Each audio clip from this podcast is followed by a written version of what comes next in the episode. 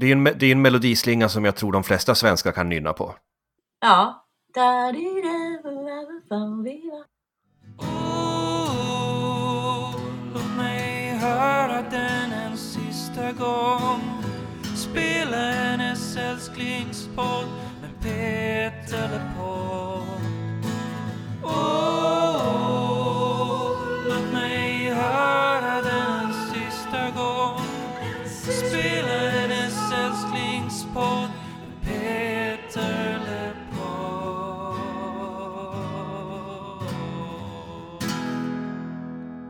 Välkommen hem! Välkommen till Peter LePodd, podcasten om Peter LeMarcs diskografi och karriär. Eh, Jag heter då Tony Savela och med mig så har jag som vanligt Emil Gustafsson Rydrup, också kallad Emil Lepodd. Haha, precis! Det var damerna kallar honom när han går på Trollhättans gator. Emil LePodd, titta där kommer han. Ska vi eh, inför sista avsnittet båda två byta efternamn till Lepodd? Ja, Lepodd och Lepodd, de som två Tintin-karaktärer. precis. Eh, Jag får se vad min fästmö tycker om det. Jo, men ni kan ju ta namnet ihop! Just det, Om när ni vi ändå gifter ska ja, oss. gifter oss. Precis, ja. Där Ja. har vi det. Lite Det konstigt dock om jag också tar namnet samtidigt. Det, det är inte helt sunt. Vad ska man säga, det tredje hjulet får liksom en ny innebörd. Ja. Eh, Men det är inte det vi ska prata om idag Emil, utan vi ska påbörja berättelsen om det som kallas för Peter Lemarks tysta år. Eh, Vilket Mm. då är lite ironiskt med tanke på att de kanske egentligen inte är så tysta. Det vill säga åren mellan att han släppte Nio broars väg 97 och Mm. albumet Det som håller oss vid liv 03. Man kan ju också kalla det, om vi vill vara lite ironiska igen, att han under den här perioden är lite i limbo. Precis. Och under denna period på, vad är det, fem eller sex år eh, Då Peter inte släppte någon egen musik så var han rätt aktiv ändå. Vad gjorde han då Emil?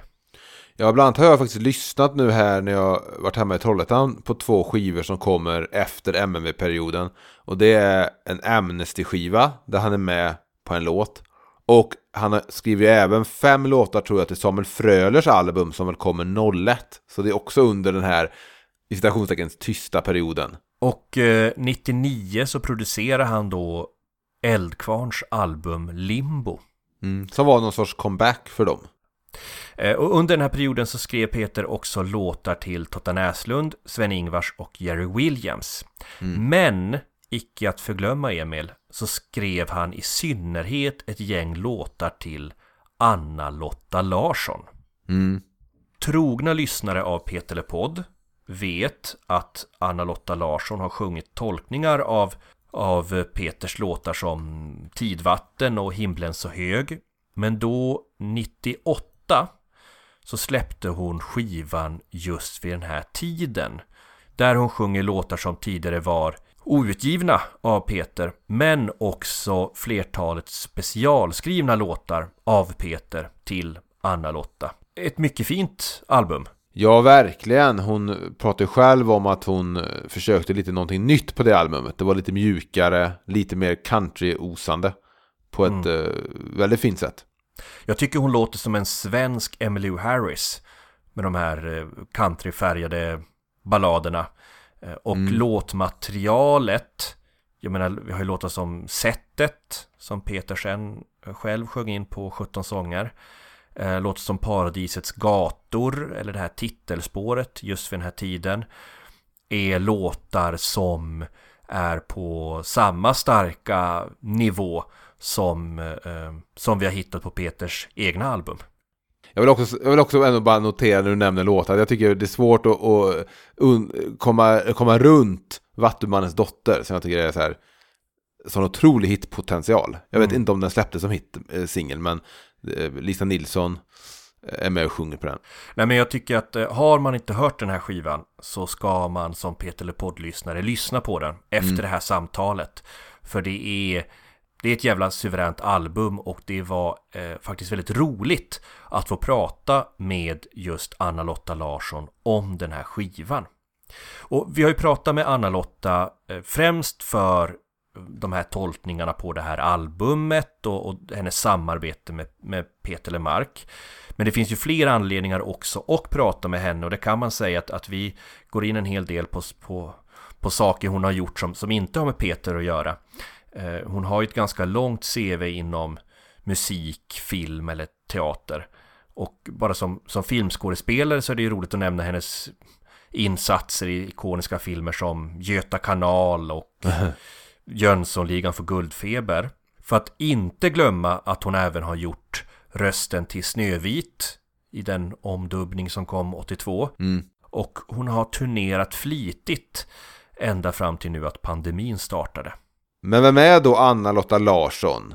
För hon är väl född i Värmland men uppväxt i Norrbotten? Helt rätt. Föddes 5 april 54. Så jag fyller snart 67. Eh, blir snart dubbelfarmor i juni, juli där en gång.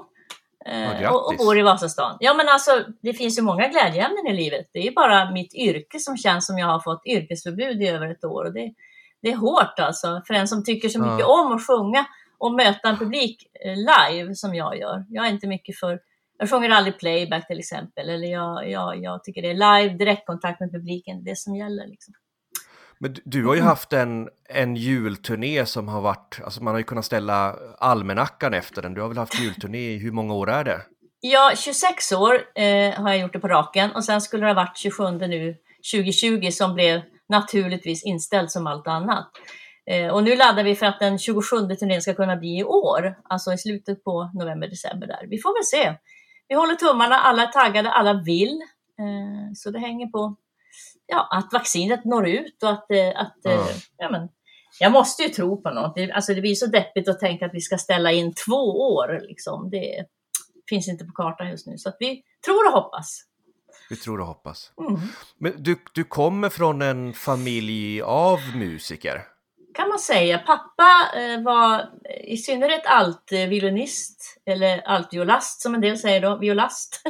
eh, och mamma var sångerska eh, och, och båda undervisade eh, liksom på en musikhögskola uppe i, utanför, eh, i Öjebyn utanför Piteå. Och där växte jag upp och lekte och sen eh, sökte jag dit och pluggade där själv till sångpedagog och gick den långa linjen, operahögskola. Och sen så började jag få jobb på tv och sen bara, sen bara blev allting som det blev. Jag vet, jag hade nog ingen Ja. riktig plan. Men när jag ser tillbaka så är jag oerhört nöjd med alltså, allt jag har fått göra. Jag har fått göra så otroligt mycket kul. Spela och sjunga med så bra musiker, spela in 13 soloplattor.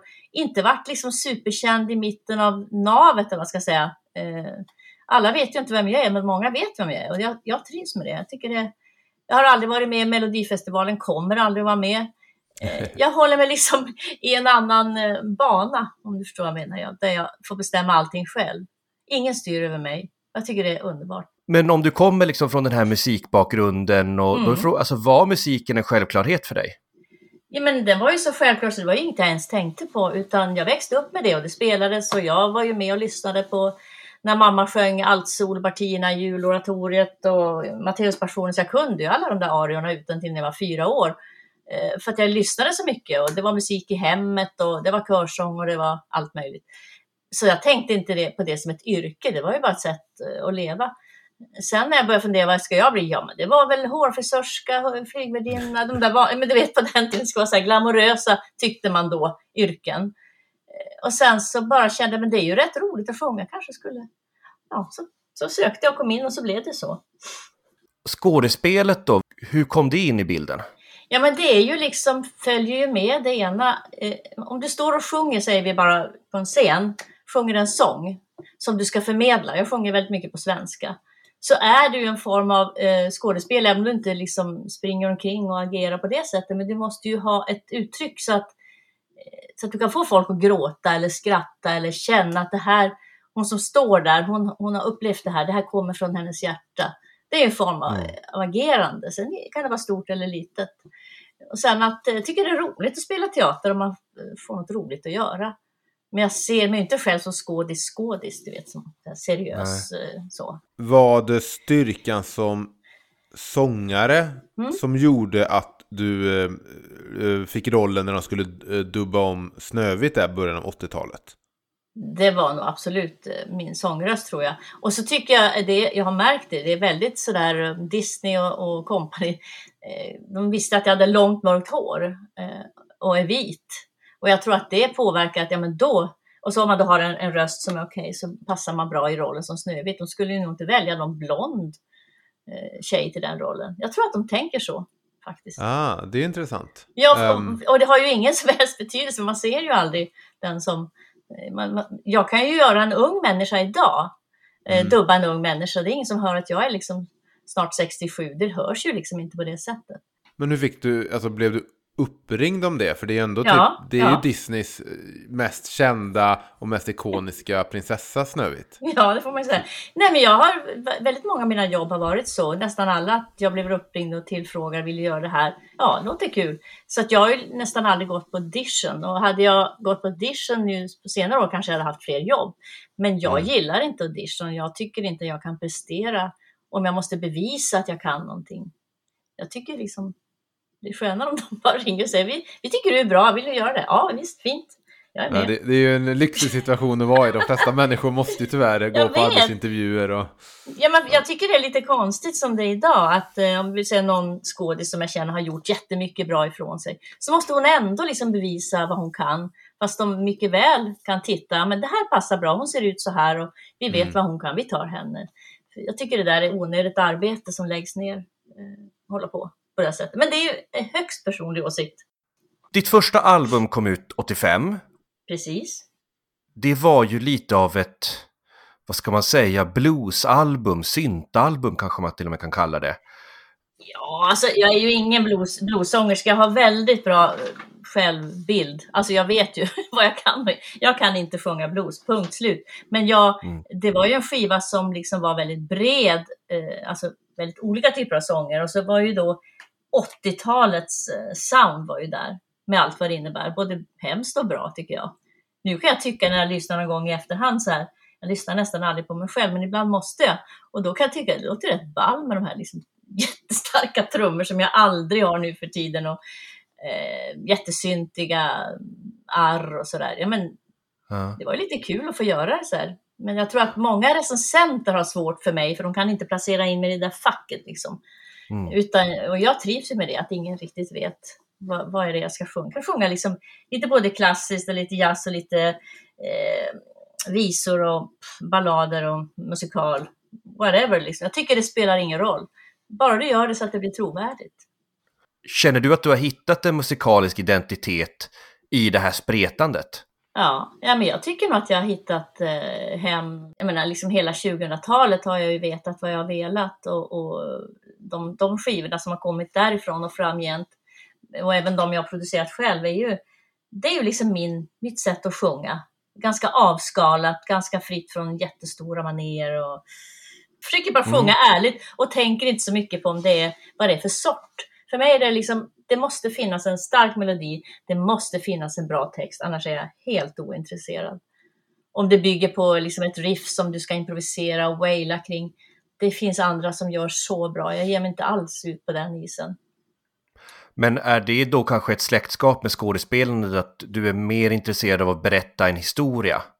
Ja, kanske man kan säga. Jag, jag, jag vill att det, ska, att det ska finnas någonting att berätta, eller att det är en melodi som är så stark. Man kan ju liksom börja gråta bara av en vacker melodi som framförs antingen instrumentalt eller sångligt eh, eller med symfoniorkester. Det går ganska fort att skapa liksom en laddad känsla med musik. När jag växte upp mm. så var Anna-Lotta Larsson, i, i, i mina ögon i alla fall, någon sorts så här norrbottnisk superstjärna. ja. Var är jag, är, jag, är från, jag är uppfödd i Kalix. Ja men herregud, det hörs ju ingenting på dig. Nej, jag har, det var ju, var det ju något decennium jag flyttade hemifrån så att det har ju, den dialekten har tyvärr skalats bort. Och jobbigt nu för dig Tony. Ja, jag vet. Choklad, chokladboll i bagageluckan. Det är ju liksom verkligen en tydlig dialekt där uppe. Min pappa spelade din musik ständigt. Ja. Eh, i, det, liksom, det, var inte en bilsemester utan att man lyssnade på Anna-Lotta Larsson. Och, och sen så när man slog på tvn Och det som vi barn tyckte var roligast på tv, även fast vi förmodligen inte fattade skämten, det var ju, ja, men det var ju Ronny Eriksson när han gjorde Ja. Lid i natt eller Ja, det var ju så, Bondånger. ja, men så kul att vara med på. Det är många som tror att jag är gift med Ronny Eriksson. Folk tänker ju så snävt. Liksom, om, jag, om jag spelar hans fru eller står i en säng och nattpratar, då är jag ju naturligtvis gift med honom. Sjunger med Göran Fristopp så är jag ju gift med honom. Så, Ja. så funkar det. Och jag har aldrig varit ihop med någon av dem. Och med samma logik har du ju också skilt dig från, Eri- från Ronny Eriksson fyra, fem gånger. Ja, ja, visst, självklart. Men alltså han är ju ett geni, Ronny Eriksson. Eh, Den här Ja. senaste musikalen han skrev som hette Kärleksånger, eller Kärleksånger, hur man nu vill säga det, eh, som vi gjorde på turné och även här på Scalateatern i Stockholm, var ju eh, jätte, jättebra musik och jättebra texter och kul att göra med honom. En scenföreställning på en två, tre timmar liksom. Enormt kul. Upplever du också att du är, vad ska jag säga, större i, större i Norrbotten? Eh, ja, alltså, jag, nej men jag har ju liksom varit, ja på sätt och vis kanske, men jag har ju liksom varit i hela landet och uppträtt och sjungit och jag har bott nere i Skåne, i Malmö och jobbat två år där, så då var jag ju lite halvkändis på Malmö stadsteater som hade stora, liksom, stora roller på den scenen i två år. Eh, Och sen i Värmland, där jag är uppvuxen, har gjort Värmlänningarna i liksom 14-15 somrar. Där, då jag var jag lite stor där, eller känd eller Mm. uppmärksammad. Så jag känner mig höra hemma lite var som helst. Men, eh, ja, men jag är inte stor någonstans ska jag säga. Jag är, jag är lite doldis. Har du en stor publik i Trollhättan? Eh, nej, jag tror inte det. Men alltså, om, om jag skulle ha med mig Peter Lemark så skulle det säkert komma väldigt mycket folk, det tror jag. Det kanske är en bra brygga då, Emil, att gå in och prata lite om Peter. Ja, vilken snygg övergång. Fantastiskt, det vi kan här på Peter Podd, just bryggor. Men eh, om vi är tillbaka då på 80-talet. Mm. Eh, minns du när du själv upptäckte Peter Lemark? Nej men det var ju att jag såg honom du vet, på tv, så här, det var väl Måndagsbörsen och sådana program. Så såg man en kille som såg väldigt allvarlig ut. Ganska ledsna ögon och sjöng väldigt fina låtar och bra texter. Det var, det var väl där det började liksom lite grann. Eh, Men sen har jag inte haft full koll på honom. Det var ju mer att han tog kontakt med mig och eh, jag sjöng på den här Tess. Det var och för sig senare men Ja, för du, eh, på hans skiva Välkommen hem där, 1990 släppte den, så körar du ju på hur man älskar en sargad själ. Och det måste ju då vara ert första professionella samarbete. Ja, det var det nog. För sen, sen ganska snabbt därpå så kom den här Tidvatten som är Mm. eh, den första låten jag fick av Peter. Ja, som också fick äran att vara ett titelspår då på Ja, din skiva ja. där 1990.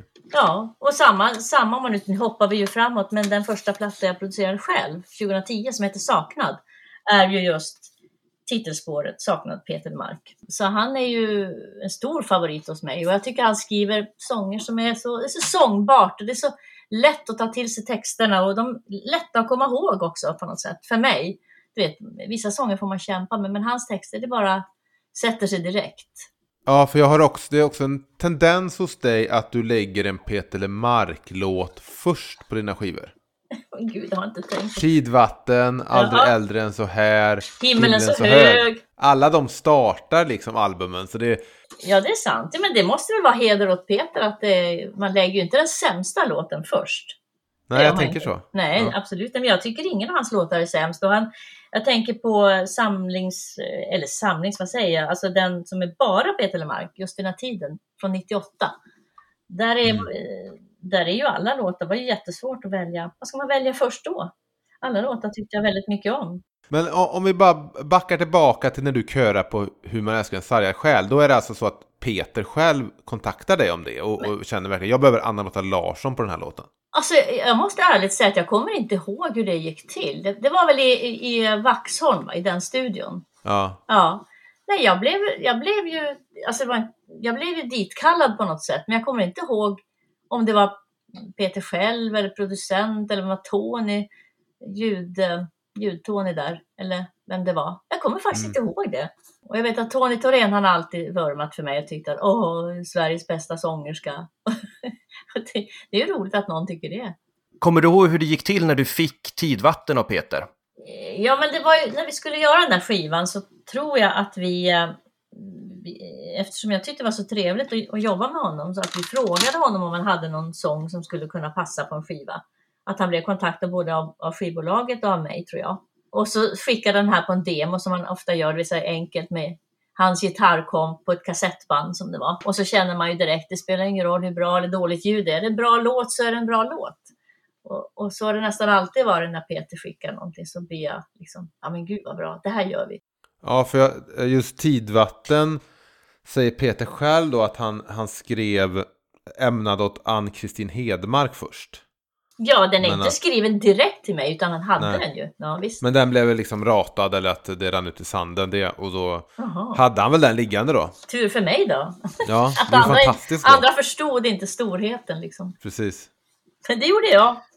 Sen albumet efter då, fem, så var det ju nästa låt då, Himmelen så hög. Ja, som är felstavad på, det är ju lite tråkigt, det blev så. Det står himlen, himlen så hög. Men det, jag sjunger ju hela tiden himmelen så hög och det är en viss skillnad poetiskt sett tycker jag. På himlen och himmelen. Ja, det Det tycker var jag. en liten passus. Det är en låt som vi har pratat en del om i den här podcasten, eh, Himmelen så hög. Ja. Och eh, en sak som vi då uppmärksammade är ju hur du i din version har ändrat vissa textrader Ja. som, från hans original.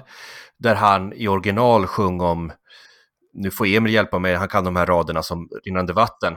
Vissa dagar är som gåvor, som i en film eller i en pjäs.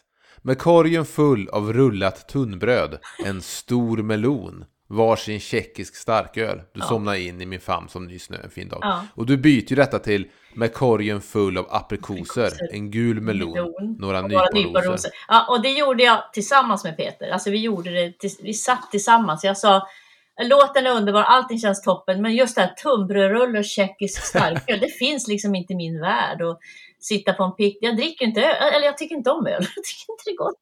Så jag, eller klart jag kunde ha fejkat och sjungit det, men det här var, för mig lät det varmare, mjukare, kvinnligare om man nu får eh, Mm. prata om manligt och kvinnligt. Det kändes bättre. Och han tyckte också att det blev väldigt bra.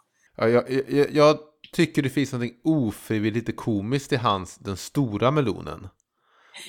Så det, det, det, det är någonting bara med att om man går på picknick och man, man väljer att- benämna den här, mattemelon, den här melonen, då troligtvis en vattenmelon i hans fall, som stor, så måste den ju ha varit gigantisk. Ja, och, och tung att bära på. Ja, precis. Och det känns, det känns så onödigt på en picknick att ha med sig en riktigt stor melon. Man skär väl upp några skivor i så fall och tar med sig i en burk, men inte hela. Men då, måste du ha skärbräda och kniv med dig, liksom, vass. Ja, det är så, att, så jag tänker, och sen måste man ta med sig halva tillbaka hem.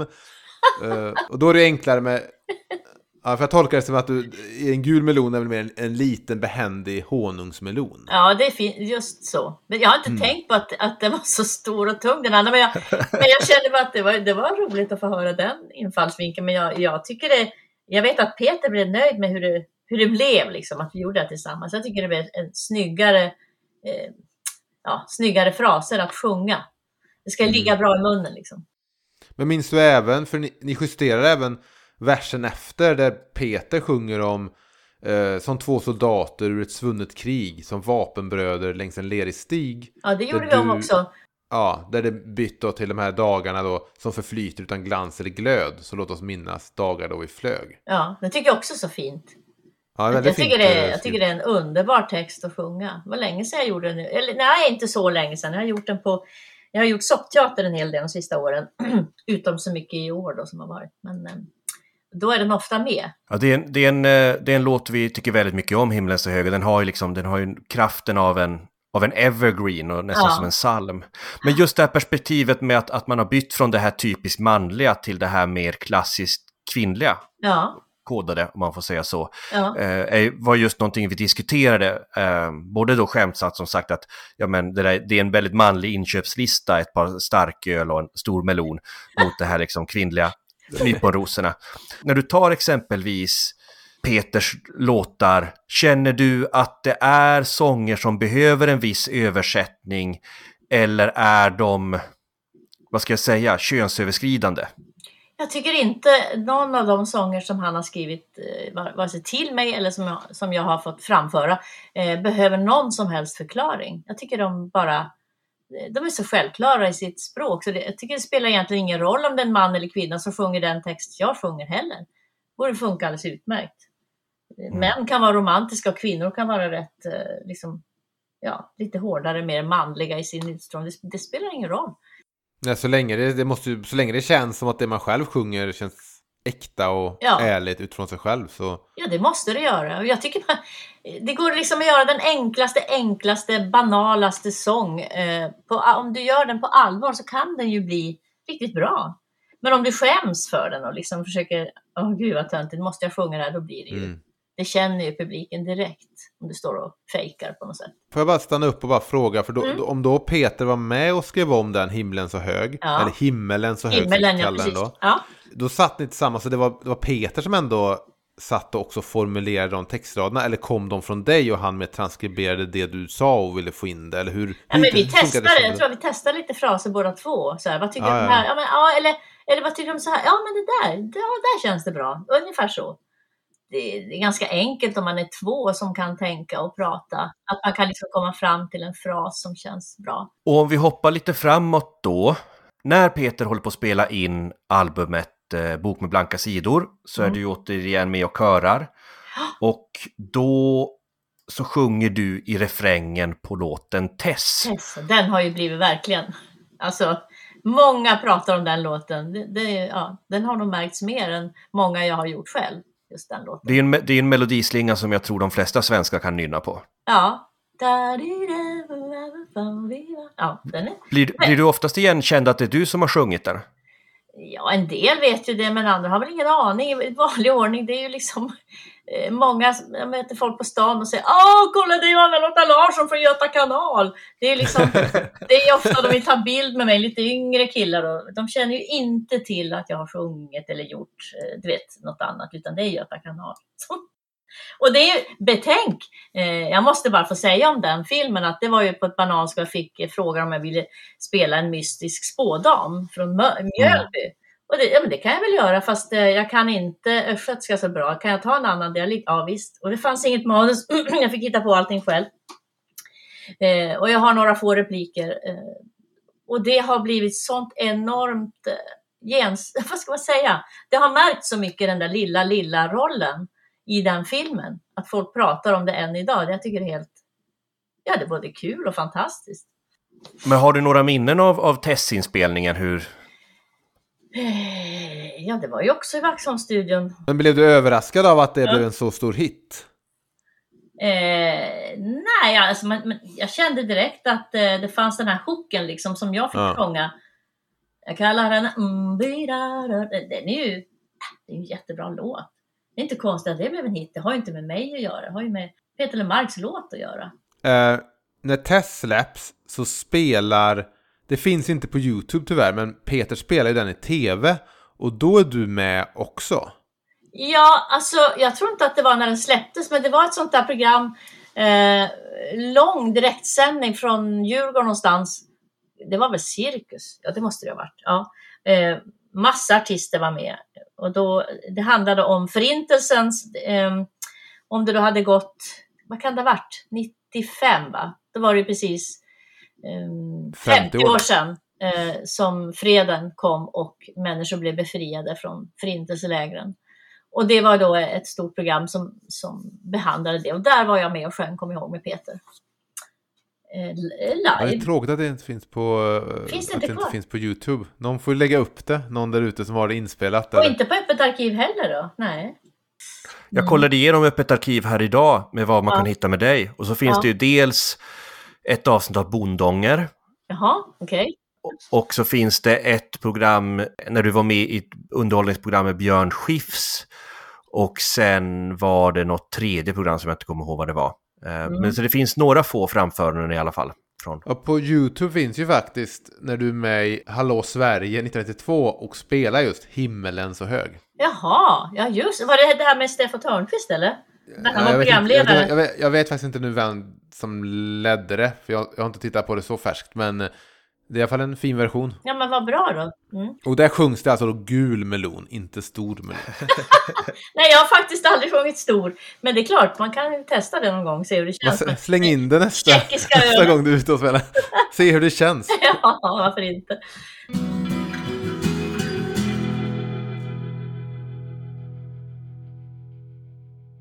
Men då, då har ju du och Peter byggt upp någon sorts relation här under Ja. 90-talet. Ja. Ett, ett kreativt samarbete. När föds idén till den här Peter Lemark-skivan, om jag får kalla den så, Ja. vid den här tiden varje år? Ja, det, tog, det var ju några år före. Som, det är alltid sådär. Skivbolaget och jag funderar, vad ska vi göra nu? Liksom, jag har gjort de och de skivorna, måste hitta på något nytt. Ja, men jag, det var liksom Leonard Cohen var på tapeten. Eh, Vi hade till och med börjat, Roffe Börlind skulle göra översättningar. Det hade säkert blivit jättebra. Det blev inte, vi kom inte till skott liksom. Det rann ut och så gjorde jag ju annat och var på mina turnéer. Och, men till slut så bestämde jag, ska vi inte ta med Peter Lemark? Alltså han gör ju så himla bra låtar. Och de passar mig alltid så bra. Så började vi prata med Peter och han tyckte det var en bra idé. Och så skulle vi hitta en producent och det är också svårt. Hitta någon som vill jobba med mig för jag är så speciell och smal och ingen vet riktigt vad jag, vad jag hör hemma liksom. Men till slut blev det Micke Nord och det blev väl liksom en lyckträff mellan oss två. Eh, Mm. för, för han var väldigt förstående över hur, jag är jättekänslig när det gäller tonarter och arrangemang och hur en halvton hit och dit kan ju förändra hela, hela karaktären på en sång. Så vi höll verkligen på att öva och testa och ja, det var en nyttig inspelning för mig. Jag fick skala bort lite maner som jag kanske har hållit på med. Så det var spännande. Kjell Andersson, eh, skivbolagsmannen, skrev, släppte ju en självbiografi nyss när han skriver lite om just inspelningen av det albumet. Vad skrev han då? Man blir jag nyfiken. Jag kan göra så att jag läser ett litet utdrag här. Anna-Lotta har en klassiskt skolad och vacker sångröst. En ren ton, ett kontrollerat vibrato och tydlig artikulation är viktiga beståndsdelar i hennes teknik. Hon är utbildad sångpedagog på Framnäs musikskola. En skolning som kan ligga i vägen när hon nu ska tolka Lemarks personliga texter. Här ska Anna-Lotta inte bara sjunga vackert, hon ska även berätta texterna på ett trovärdigt och uttrycksfullt sätt, bli ett med orden och berättelsen. Hon vill söka sig vidare och utveckla sig åt ett enklare, mer avskalat sätt att sjunga. Vi vänder oss återigen till Micke Nord Andersson och hans kollega Martin Hansen. Och så skriver han här om produktionen. Den är jordnära, till största del akustisk med elektriska crescendon. Peter Lemarks sånger håller så hög kvalitet att till och med det övergivna materialet är starkt. Anna-Lotta sjunger underbart, vackert och självklart utan att överlasta med teknik. Hon har hittat den ton hon har letat efter.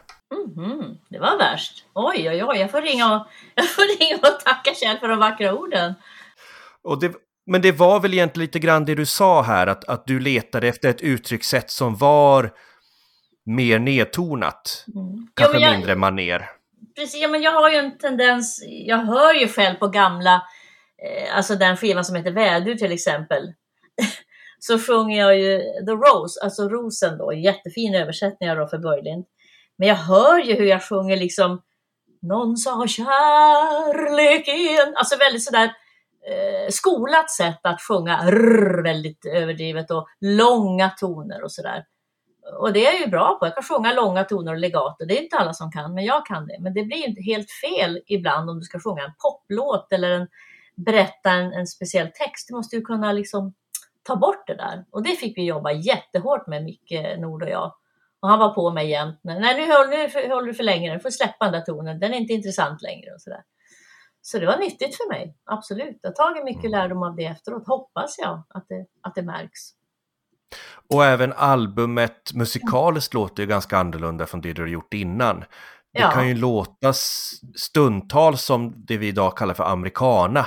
Mm. Alltså någon sorts countryrock nästan. Ja, det är ju, alltså Micke är ju väldigt gitarrförtjust. Alltså olika typer av gitarrer som är med. Så det blev lite eh, country light kan man väl säga, hela skivan. DN beskriver det som mjukpop country. Ja, men de ska, måste ju alltid hitta en, en folla och stoppa in den i. Men visst, um, men den här skivan försvann ju ganska mycket i det allmänna. Jag vet inte, det blev liksom ingen turné. Det blev inget gjort med, med materialet eh, mer än att många tycker om låtarna och sådär. Och, och jag har sjungit några av dem, men det var väldigt länge sedan jag gjorde, alltså, just den här tiden har jag sjungit mycket. Vad får ett hjärta att slå?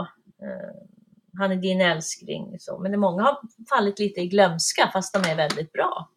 Men hur kommer det sig när eh, skivan kom där 98 då att ni inte slog på stort med turné och allting när ni hade Peter Lemark namnet och allting med er? Jag vet inte. Och det, alltså jag kan också tänka att det finns en viss publik jag har som inte tyckte att det där var det var inte Anna-Lotta Larsson som hon brukar låta. Du vet hur det är. Det, mm. När jag var ute med Ronny Eriksson på turné i Skåne till exempel och Göteborg så hade han sin publik och jag hade min publik. Och en del av min publik gillar inte Ronny Eriksson och en del av Ronny Erikssons publik gillar inte mig. Mm. Så det kan bli en clash fast det är två människor som tycker om att jobba med varandra. Så publiken har ingen riktig förståelse för det. Men, ja, men för det är ett väldigt fint album och det finns ju vissa låtar där som, eh, just för den här tiden, han är din älskling nu. Ja, och jag tycker väldigt mycket om den här, vad får eh, den här ehm, eh, Varje natt ett regn. Eh, den har jag gjort några gånger också med kör ibland, alltså det är jättehärligt. Det är sådär liksom stor låt, enkel men den blir väldigt stor med alla de här körerna som Micke Nord och jag, vi, vi gjorde alla körstämmor själva och skrek på där, det var otroligt kul. Men vissa av de här låtarna då var gamla demos som Peter hade sedan tidigare och vissa var låtar han skrev speciellt för dig. Ja, jag kommer faktiskt inte ihåg vilka det var som var helt nyskrivna. Men allvarligt talat så jag bryr mig inte så mycket om det om han har specifikt skrivit dem till mig för att alla de här blev ju mina sånger. Sen om han har gjort dem också eller sjunger in dem själv, det spelar ju liksom ingen roll. Men i låtarna i låtarna som skrevs för det här albumet, mm. hade ni en diskussion innan då om eller, eller satt han på sin egen kammare och kände att ja, men jag vill skriva någonting åt det här hållet för det ska nog passa Anna-Lotta? Eller var det mer ett, en diskussion om... Nej men, jag tror, nej men han hade ju några låtar alltså, redan som han hade liksom börjat knula på. Mm. Och sen skickade han ju kassetter till mig, det var ju fortfarande kassetter, mm. eh, som jag lyssnade på. Och så tyckte jag att det, det här känns bra. Nej, men det där tror jag är väldigt svårt att jag ska göra någonting med. Och så där höll vi på. Till slut hade vi för många låtar och det är härligt när det är så. Så fick det bli de här som det ja, blev. Det är ja. ännu ett lyxproblem. När folk ja, ja. ringer och när man har för många Peter LeMarc-låtar att välja på. Ja, det är så jobbigt. ja. Mm. Men eh, en, en fråga om äh, Vattumannens dotter. Mm. Då var Lisa Nilsson med och sjöng kör. Ja, det var det jag tänkte fråga om. För Lisa, Lisa Nilsson körar på den och då undrar jag, kom det via Peter? För att hon körade ju på hans platta från 91. Eh, Eller ja. sjöng, han sjöng, sjöng duett på hans platta från 91. Ja, men jag känner ju Lisa så jag tror att det var mitt förslag. Sen tror jag verkligen inte att Peter hade någonting emot det. Och inte Källan, alltså ingen. Därför att eh, vi funkar jättebra ihop Lisa och jag. Våra röster går bra ihop också. Det är inte alla man gör det med, men det funkar jättebra. Ja, och den är ju skithärlig den. Ja, den är underbar. Så hit, jag tycker den är hitpotentialsläcker den också. Ja, det hade, men, men jag, på något sätt, jag har ju aldrig haft en hit. Eh, om man ska vara, ska vi inte vara lite ärliga nu? Jag har ju aldrig haft det. Jag, alltså, jag har haft låtar som folk har lyssnat på och känner till men, och som har provat i Svensktoppen. Men jag kommer liksom aldrig med. Jag blir aldrig tillräckligt, eh, ja om det är folklig eller vad det är, jag vet inte. Hade, hade du hits när du var med i Little Mike and the Sweet Soul Music Band? Ja, alltså inte rent uh, skivmässigt, men uh, vi, det var ju en hit uh, när vi var ute på turné. Det var ju så mycket folk, så det var ju det var ju som om vi var Beatles. Liksom, som, det var, vi var på Rondo, kommer jag ihåg, på vår första turné eh, i Göteborg. Och det var ju liksom en, flera, eh, en kilometer kö för att se Little Mike. alltså, ja, det var ju jätteroligt, men helt obegripligt alltså. Ja. Men, men jag tror, jag kommer inte ihåg vilken artist som sa det, som sa det att uh, akta dig för att få en hit. Aha. För att det på något sätt kan riskera att forma ens karriär på ett sätt man inte har velat. Finns det inte någonting skönt också i att, ursäkta uttrycket, gå under radarn? Att du har kunnat egentligen göra vad du vill istället för att ha förväntningarna på dig och göra ännu en det, alltså du har ju helt rätt. Det, alltså att ha en hit det är ju kul för plånboken kanske. Men eh, jag har aldrig eh, alltså, saknat det på det sättet jag har alltid tyckt att det är ganska skönt att jag sjunger ett program, eh, en och en halv timmes konsert eh, ofta, med en pianist bara. Vi, vi, vi två. Eh, och jag kan välja precis vilka låtar jag vill. Det är alltid, aldrig någon som blir sur för att inte jag har med den eller den. Eller, eh, kanske någon tycker det, men de säger det inte till mig i alla fall. Så det är ganska, ja, det är ganska skönt. Men väljer du mycket eh, låtar eh, just för kvällen eller tänker du mer i de här låtarna ska spela den här turnén? Alltså när det är julturné till exempel, då måste man ju ha en plan för hela. Man kan ju inte byta varje kväll för du har ju Nej. samarbete med körer som ska ha noter redan i september och stäminspelningar. Då måste man ju ha en viss ordning på låtarna och tänka logistik. Kören ska sitta ner, de ska stå upp och det måste vara bra flöde i programmet och så vidare. Och då gör man ju då, man kan byta ut en låt kanske, ta bort om det är för långt, men där, där blir det samma.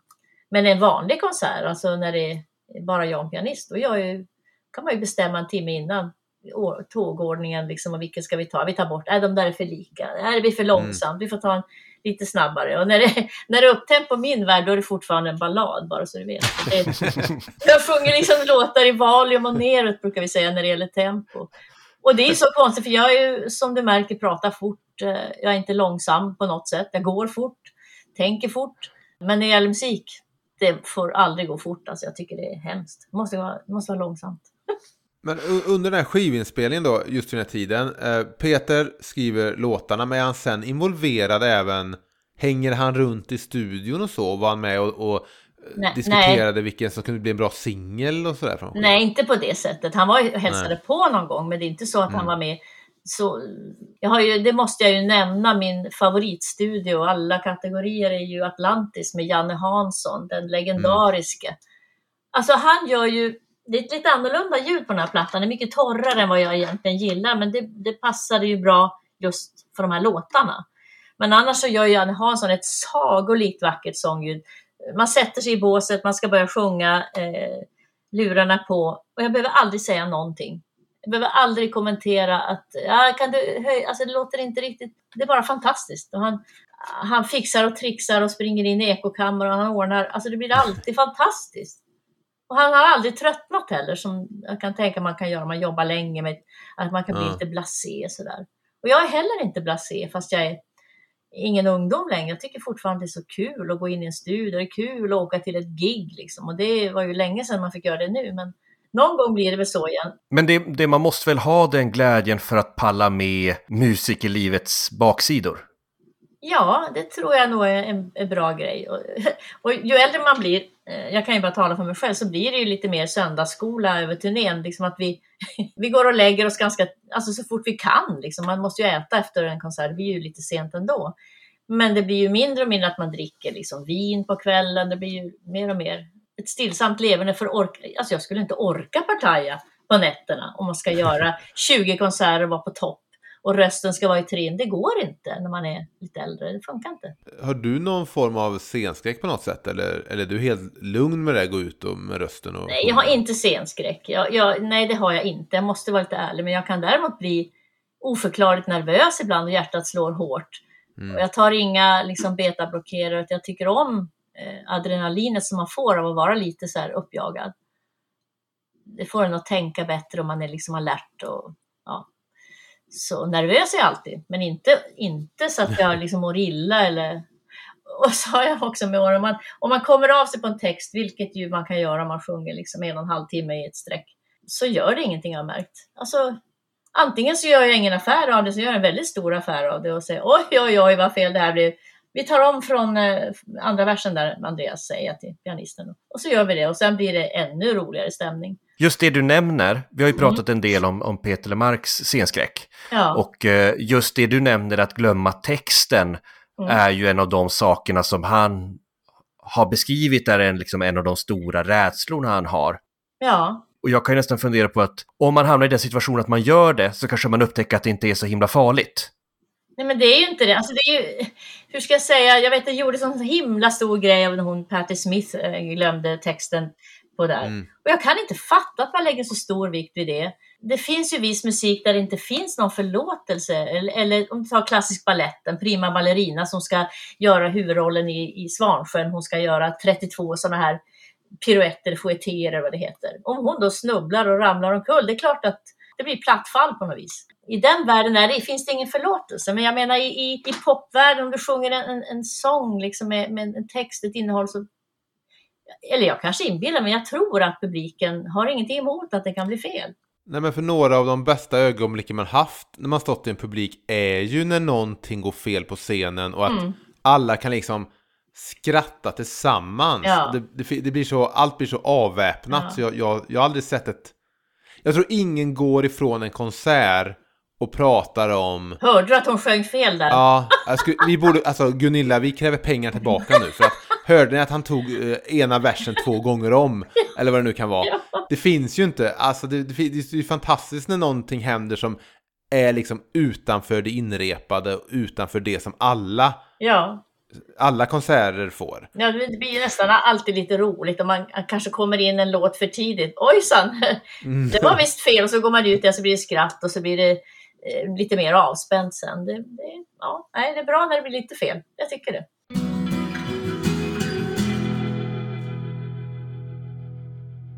Efter den här då, Mm. eh, just vid den här tiden skivan, är det någonting från den upplevelsen eller det sättet ni angrep låtarna som Mm. du har tagit med dig till dina vidare album? Jag har väl inte gjort något album som har varit så gitarrbaserat eh, efteråt. Det har jag inte gjort. Men det beror ju mest praktiskt på att jag, jag jobbar ju mest med en pianist och det är ju liksom enklast för mig. Jag får ett, jag får ett jobb eh, någonstans i landet. Jag jobbar ju nästan bara i Sverige och någon vill att jag kommer och gör en konsert, kanske med en kör. Jag tar med mig en pianist eh, och, och han är duktig på att skriva körar och vi gör konserter ihop. Och då blir det mest att om vi ska göra en platta så blir det ju, grunden blir ju piano. Men sen har vi ju, jag gjorde en tågplatta. Jag vet inte om du känner till mina senaste produktioner som är Mm. mi- mina egna. Eh, och då är det en tågskiva med allt möjligt. Det är stråkkvartett och det är dragspel och det är Mats Bergström på gitarr på några låtar. Han är fantastisk alltså. Men det är en annan sort. Det är inte riktigt samma stuk som, som eh, den här skivan.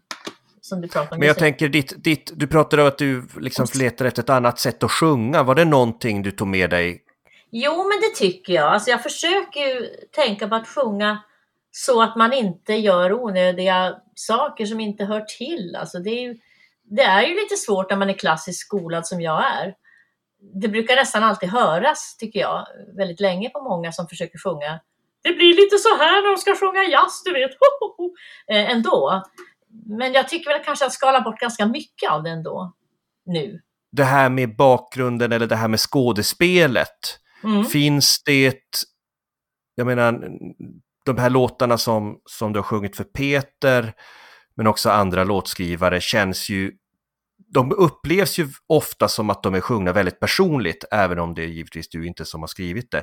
Mm. När man tolkar andras låtar, finns det ett sätt att angripa, vad ska jag säga, en, en karaktär eller, eller göra dem från en roll, eller försöker man bara forma det till att, att det ska vara ens egna upplevelser? Eh, Jag, jag tänker nog inte så mycket eh, när jag ska sjunga en sång. Alltså jag, jag har texten, eh, jag övar på sången och, så, och sen, om du tänker i studioläget nu eller tänker när man står inför en publik? För det är så olika. Vilket tänker du mest nu när du ställer Jag, jag tänker mer när man ska spela in en låt. Ja, men då är det bara att jag, sätt, jag sätter mig, jag tar på mig lurarna och så ger man sig bara hän åt att försöka sjunga de här orden så att de blir eh, trovärdiga för mig. Och jag vet att när vi gjorde eh, den här skivan Saknad till exempel, som börjar med en Peter LeMarc-låt. Där gör vi en sång som heter Ensamhetens hav, som är en dikt av Johannes Edfeldt, eh, tonsatt av Göran Fristorp. Och vi spelade in den, vi hade ju övat allting, du vet med band och med stråk och allt vad vi behövde. Så vi kunde ju låtarna, men det blir ju ändå en viss grej när du sätter dig i studion och alla spelar samtidigt. Man vill liksom att det ska bli bra. Och första tagning är alltid första tagning. Och lyckas man med den, då kan man sällan göra något bättre sen. Och precis så blev det med den. Vi spelade in den rakt av. Eh, och så var jag kanske inte helt nöjd, men efteråt så grät både jag och trummisen. Nej, nu säger jag fel. Det var inte den låten. Det var den som heter I den stora sorgens famn, Ted Gärdestad. Ah, Förlåt. För det var Eh, precis den jag tänkte fråga om. Mm. Ja, nej, men förlåt, jag, jag tänkte fel. Eh, I den stora sorgens famn, Ted Gärdestads sista, eh, liksom, det var ju något av det sista han skrev. Och det, jag tycker den är så vacker, den här sången. Den är så oerhört vacker. Och då grät vi efteråt. Och, och vi tänkte vi måste väl ta en till för det var väl inte riktigt bra. Jo, men alla tyckte det var bra. Sen försökte jag göra om det här sångpålägget. Du vet, man tycker att man kan göra lite bättre. Men det gick inte. Det gick inte. Vi gav upp. Det fick bli den första tagningen. Så kan det vara. Och, och när man sjunger en sån låt som jag menar Ted Gärdestad, en, Stora sorgens famn, en låt som Ja. många älskar och, och, och som är väldigt personlig i, i, i Teds version. Eller Ja. du, du, du har sjungit någon översättning där av Jacques Brel eller Paul Simon, artister som också har en väldigt egen identitet. Ja. Eh, hur förhåller man sig, och det tänker jag också när man sjunger Peter Lemark-låtar, hur gör man för att göra låtarna till sina egna när det finns en väldigt tydlig röst som har uttryckt dem från början? Ja, men det, det, det jag menar är att, jag vet inte hur jag ska förklara bättre, än att jag, jag, kan inte, jag kan inte utgå från någon, någon annan än mig själv. Alltså allting det som jag upplevt under mitt snart 67-åriga liv, det har ju samlats inom mig. Jag bär på sorg och glädje och förväntningar och misslyckanden och överraskningar och allt som ryms i en människas liv. Och det är ju inte svårt att uppleva den sorgen som finns i den här texten samtidigt som det finns ett sånt ljus och ett sånt hopp i den. Och den är så outsägligt vacker mitt i allt. Spröd och vacker och, och storslagen fast den är väldigt enkel. Och då är det väldigt lätt att bara, man bara följer med, man bara ger sig hän och det känns underbart att få göra Mm. en sån sång. Och, och få, få den på pränt också, liksom på en skiva. En fråga jag hade om just den skivan saknad är Mm. um, den här Leonard Cohen-tolkningen där, Halleluja.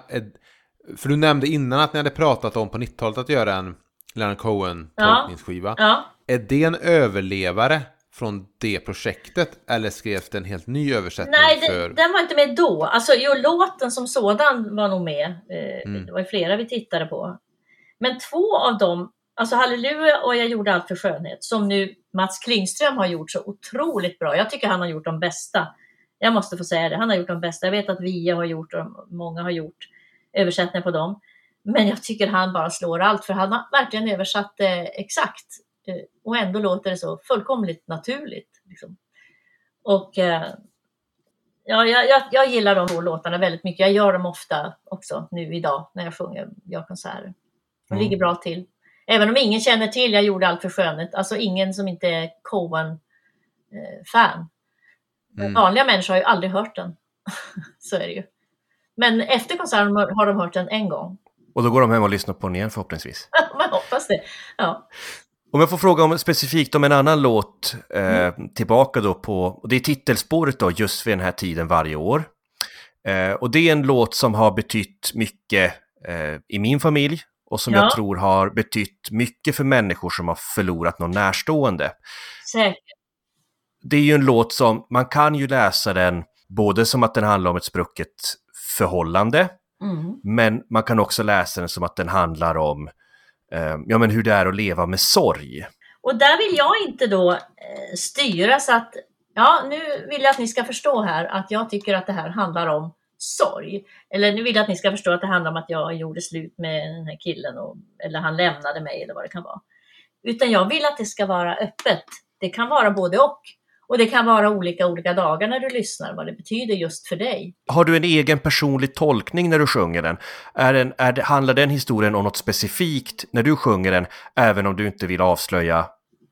Nej, ingång. det, det kan vara olika, olika dagar. Och det är det här som är så märkligt att jag vet någon gång, eh, eller det var på en turné jag var, så gjorde jag, vi gjorde en konsert i, i södra Skåne och jag var jättetrött för jag hade varit på bröllop, min bror gifte sig och jag hade varit toastmaster och druckit lite vin, du vet, sovit för lite. Och så bra har jag aldrig sjungit tror jag, någonsin i hela mitt liv som jag gjorde den. När jag var så trött och det var så, alltså du vet.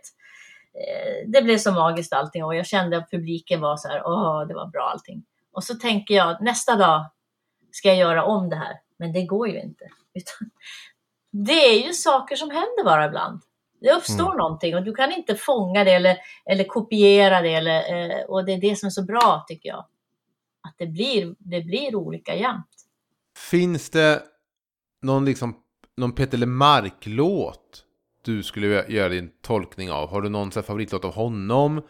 om så, om så en egen version av Tess eller någon, någon ja. Nej, det har inte...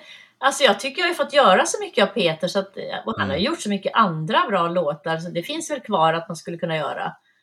Men, men just nu är jag ju liksom på något sätt på paus med allting. Det är så svårt att tänka att jag ska göra, kommer jag ens att göra någon mer skiva? Finns det någon som ens köper skivor idag? Som det ser ut. Nu låter du väldigt lik Peter som Ja. hävdade i en intervju att han idag tillhör Lingonligan. Vad betyder det nu då? Link? Ja, att, att han inte är någon eh, stor stjärna längre och att folk inte köper hans skivor. Ja, Det vet jag. Alltså, jag tycker han kommer alltid vara en stjärna, men jag, jag tänker inte så mycket på det. Utan det är mer även om folk gillar honom så tycker jag... Jag vet efter en konsert så säljer vi ju alltid skivor. Jag har ju rätt många att sälja.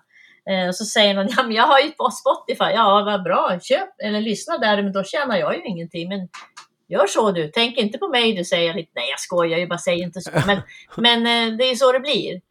Eh, det är så förändrat liksom. Ja, men samtidigt är det ju svårt också för jag, menar, jag har såklart en samling CD-skivor. Mm. Men idag som jag bor har jag ingen möjlighet att spela CD. Nej. Så det är också ett problem. Det är inte, det är inte bara det att jag väljer kanske Spotify före CD. Det är också att jag har ingen CD-spelare längre. Min laptop kom inte med en CD-spelare. Jag har ingen. Nej. Nej, men man får ju skaffa en se- separat om man nu... Men jag, vill, jag ska inte säga något, jag kan ju vara likadan att jag tycker det är enklare ibland att sätta på en favoritlista, du vet man, man har Mm. samlat en massa lugn, skön jazz som slår igång och så blir livet bara ganska skönt. Man håller på och städar och lagar mat och så bara surrar det på. Men, men eh, jag tänker just om, om en artist ska framställa en skiva så måste man ju ändå spela in den. Du måste ju ändå göra det jobbet. Och hur få tillbaka några pengar om du inte kan sälja produkten?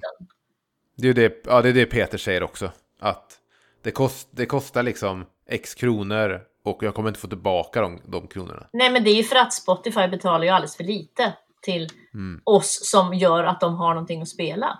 Men hur ändra på det? Det är inte så lätt. När du ser tillbaka på din karriär, Mm. som inte är över än ska vi ju tillägga, snart är du ute och, och gör julkonserterna igen. Ja, man Eh, hoppas men men, men vid, det här, vid det här laget, halvvägs in i din karriär, vad är du mest stolt över? Ja, men jag är nog stolt över att, om vi säger att om jag aldrig mer får sjunga, utan det är färdigt nu, det går inte, pandemin tar över och ingen kan göra konserter mer, det är färdigt. Om det blir så säger vi, vi bara hittar på, eh, så skulle jag ändå vara nöjd med allt det jag har fått göra. Alltså jag har haft så fruktansvärt kul och jag har fått göra så varierande saker, spelat in så fina skivor, som jag sa i början, med så fantastiska musiker som finns i det här landet. Ja, att bara, att bara få, få, ha, få, ha fått göra allt jag har fått göra, det, det kan jag leva på. Alltså jag, jag kan känna mig nöjd med det. Liksom tv och allting som jag, du vet, det är en hel del när man börjar titta. Så jag, jag, jag klagar ingenting. Det är bara för att det är så roligt fortfarande att sjunga. Så jag önskar att det går att göra det framgent. För en le levande publik alltså, på riktigt. Ja, så vi får alltså hoppas att vaccinet når ut till många och en var så snabbt som möjligt så att Anna-Lotta får komma ut och sjunga Himlen så hög, eller Himmelen så hög som vi har fått lära oss nu att den heter. Tidvatten och kanske några låtar från just vid den här tiden skivan. Vilket härligt och roligt samtal det här var Emil. Ja, verkligen. Vilken energi. Någonting som vi pratade om eh, efter vi hade stängt av inspelningen, men jag tycker det är värt att nämna på hennes eh, samlingsskiva Tidlöst som kommer 2003. Så är ju ett stort antal låtar på den plattan just skrivna av Peter Lemark. Då tackar vi Anna-Lotta att hon ville vara med här i Peter podd Och vi tackar också dig som har lyssnat. Vill man komma i kontakt med oss så finns vi på sociala medier på Instagram, Facebook och Twitter under namnet Peter Lepodd. Och eh, vill man mejla oss så gör man det på peterlepodd.gmail.com Vår intro och outro-musik Emil, vet du, har du någon aning om vem det är som har gjort den? Ja, jag har fått läsa på lite här, men jag kommer kanske läsa till då, för att inte göra fel. Men jag tror den är gjord av Kristoffer Hedberg från Björndalen i Trollhättan. Eh, med ett band som heter Easy October. Som man kan checka in eh, på YouTube eller Spotify eller vart man nu lyssnar på sin musik. Kom ihåg det i dessa tider att det kan vara skönt ibland att eh, intala sig själv att allt är bra nu. Gitarrsolo.